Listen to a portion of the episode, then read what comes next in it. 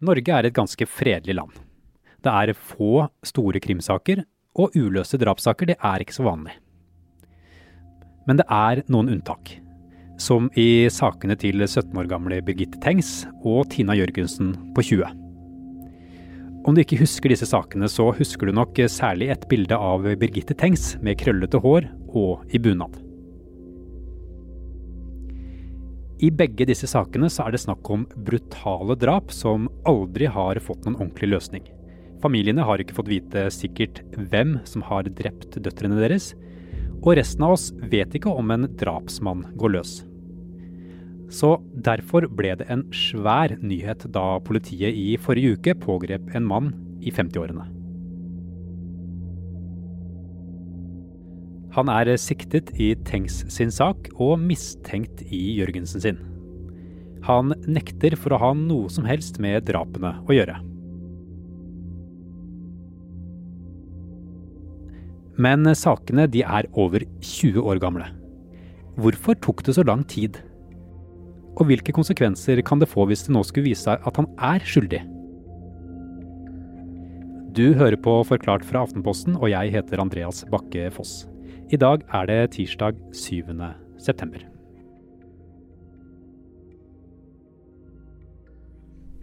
Ja. Min er på mine mellom seks og sju. Det er det jeg pleier å ha den.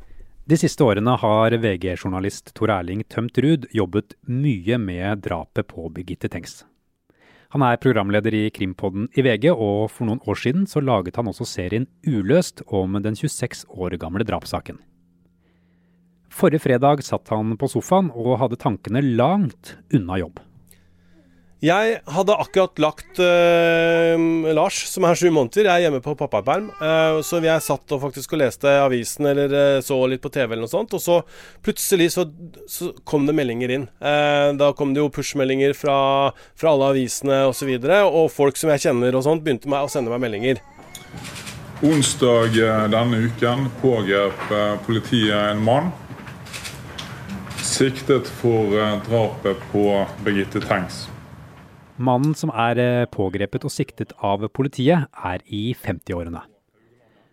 Han er siktet for drapet på Birgitte Tengs i 1995, og mistenkt for drapet på Tina Jørgensen fem år senere i Stavanger. Selv nekter han for å ha gjort noe av det politiet mener han skal ha gjort. Den nåværende siktelsen bygger på resultater fra DNA-undersøkelser, men støttes også av andre opplysninger i saken.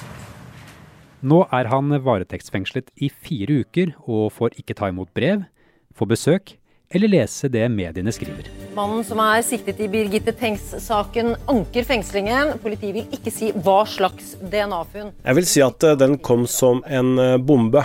Dette er jo en mann som da ikke har vært eh, sikta eller mistenkt i denne saken eh, tidligere.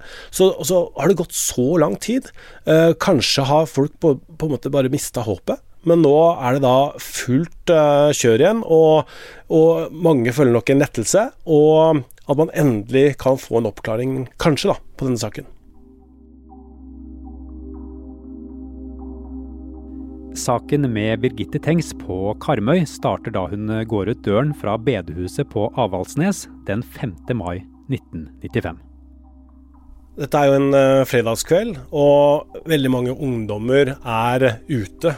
Uh, hun har vært på bedehuset og får haik med noen jenter som kjører henne til Koppevik sentrum. Det er på en måte sentrumet eh, i det stedet på Karmøy hvor hun bor. Og der er det mye folk. Dette er fredagskveld. Det er ganske god stemning. ikke sant? Her er det utesteder. Hun blir sett lenende mot en grønn bil. Denne grønne bilen har man aldri funnet. Man vet ikke hvem hun snakket med, men det er observasjoner av at hun på en måte har en slags interaksjon med denne bilen og personer eller personen inni den bilen. Og så er det ingen som ser henne.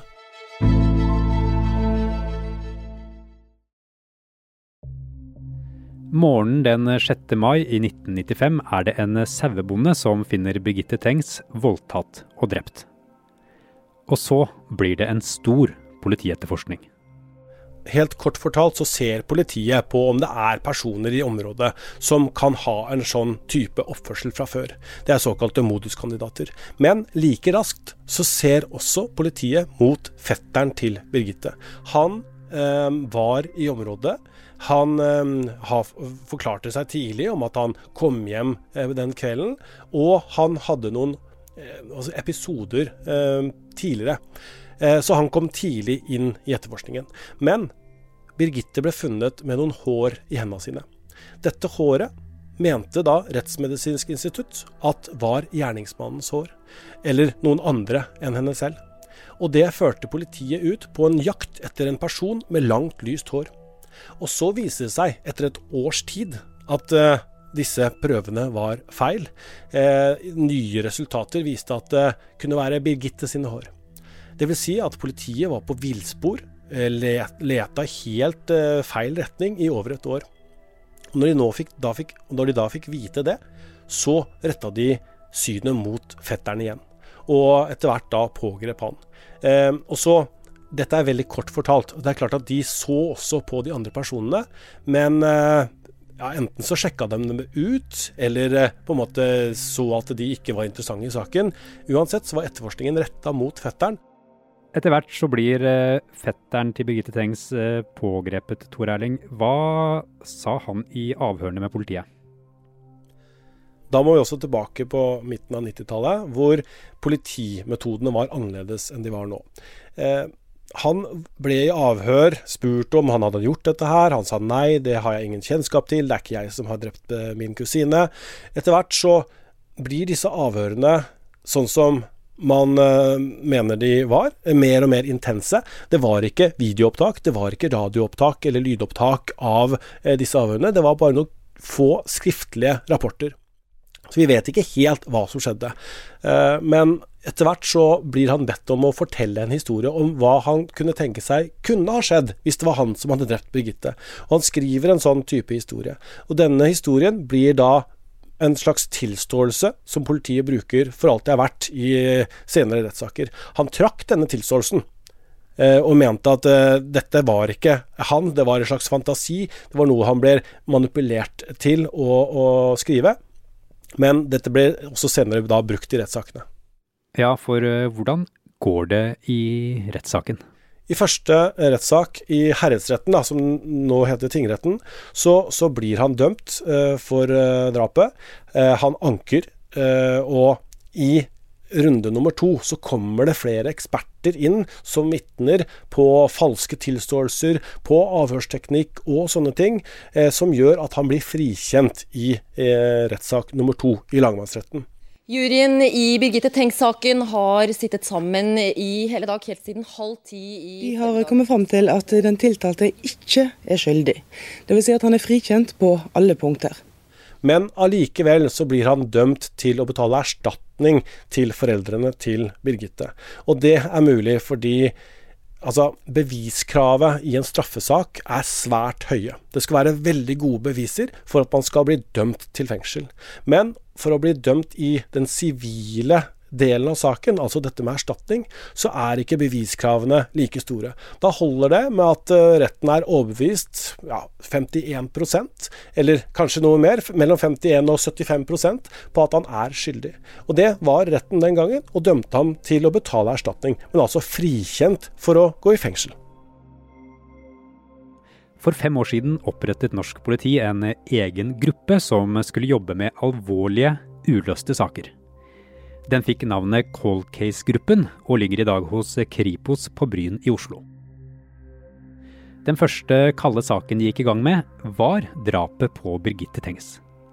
Og da begynte ting å skje. I 2019 fikk de et DNA-treff. Vårt arbeid har i hovedsak dreid seg til nå om disse DNA-undersøkelsene. Og de har vært gjennomført ved Rettsmedisinsk institutt i Østerrike. Denne mannen som er siktet nå, som er i 50-årene, Tor Erling. Kan du si litt om hvorfor han ble siktet akkurat nå? Sånn som jeg forstår det, så er det materiale som er funnet på Birgitte, som har blitt eh, gjenstand for nye undersøkelser. Politiet har brukt eh, utenlandsk eh, ekspertise på det, brukt ganske mye penger for å få det til. Og ettersom som jeg forstår, så har man da funnet treff som eh, som da kan samsvare med denne mannen som er eh, sikta. Det betyr jo ikke at, eh, at eh, han er skyldig, eller han er jo ikke dømt eller noen ting i denne saken, men man har da funnet grunnlag for å arrestere ham og varetektsfengsle ham eh, seinere. Denne mannen eh, har vært inne i saken som et vitne, Tor Erling, men hva vet vi om han?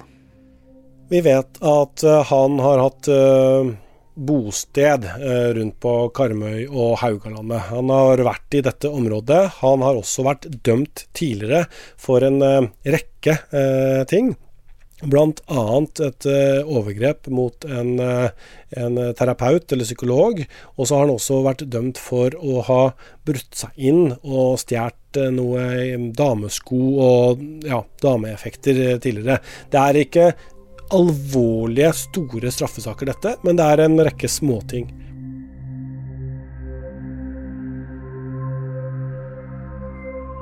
Men mannen er ikke bare siktet for å ha drept Birgitte Tengs. Han er også mistenkt for drapet på Tina Jørgensen.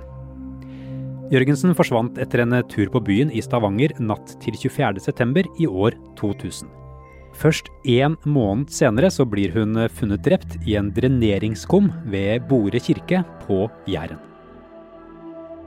Det, det, betyr jo at politiet mener de har mer skjellig grunn til mistanke. Eh, Dvs. Si at de har bedre bevis i den saken han har, eh, er, er sikta i, enn en der han nå er status som mistenkt. Eh, og så er det vel litt sånn at denne mannen har vært Eh, tipsa om i begge disse sakene. Han eh, har vært i Stavanger-området da Tina Jørgensen eh, forsvant. sånn at hvis ikke de hadde gått ut og sagt at han også er mistenkt i denne saken, så ville på en måte kravet om at jeg var med Tina-saken kanskje vært eh, større. Så det er mulig at politiet på en måte eh, safer seg litt ved å si at han også er mistenkt der, men at det gjenstår en del etterforskning, kanskje nye beviser og sånne ting, for at han skal få status som eh, siktet i den saken. Det finnes jo noen uløste drap i Norge, Tor Erling, og dette er jo lenge siden. Hvorfor er særlig saken til Birgitte Tengs så stor nå? Jeg tror at um, mye av det har med at utviklingen skjer. Altså Teknologiutviklingen har vært enorm på de siste årene. Særlig de siste kanskje ti årene.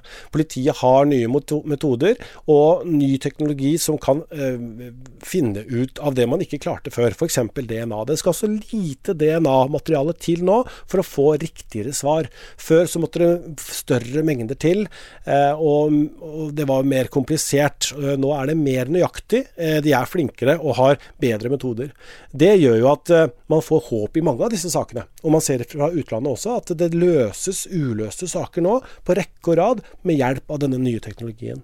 Og det gjør jo at eh, politiet og samfunnet ellers får på en måte nytt håp da, om å løse disse sakene. Det er en mann som er pågrepet og siktet, men han nekter for å ha noe med drapene å gjøre. Han er ikke tiltalt, og i hvert fall ikke dømt. Men hvis det nå skulle vise seg at politiet har pågrepet rett mann, hvilke konsekvenser kan det i så fall få? Det blir jo å se litt inn i glasskula, men sett at politiet og påtalemyndigheten går til en tiltale mot denne mannen, da, og at uh, han til slutt blir dømt, så vil du få på en måte en gjerningsperson som er dømt i denne saken. Du vil på en måte få en slags et, et, et, lettelse for hele samfunnet. Du vil få et svar, eh, kanskje et endelig svar på hva som skjedde med Birgitte Tengs. Og så vil det jo få eh, konsekvenser for fetteren. Eh, det vil vel antageligvis komme til erstatningskrav mot, mot staten for den oppførselen, eller for den, for den behandlingen som han har måttet gjennomgå. Og så er det jo dette med politiet. Hvordan kunne egentlig dette her skje? Eh, Birgitte Tengs-saken har vært gjenstand for hard kritikk mot politiet fra før. Vi har snakket om disse avhørsmetodene som man ikke lenger bruker. Eh, dette med tunnelsyn, at man liksom bare ser på én person uten å etterforske bredt. Dette har jo vært tidligere, men hva skjer nå? Når politiet har funnet ut at den jobben som ble gjort den gangen, den, den var rett og slett ikke god nok. Hva skjer med eh, politilederne, påtalemyndighetens ledere, helt opp til riksadvokat, liksom, som, som på en måte har tatt avgjørelser i denne saken her. Der blir det nok en oppvask.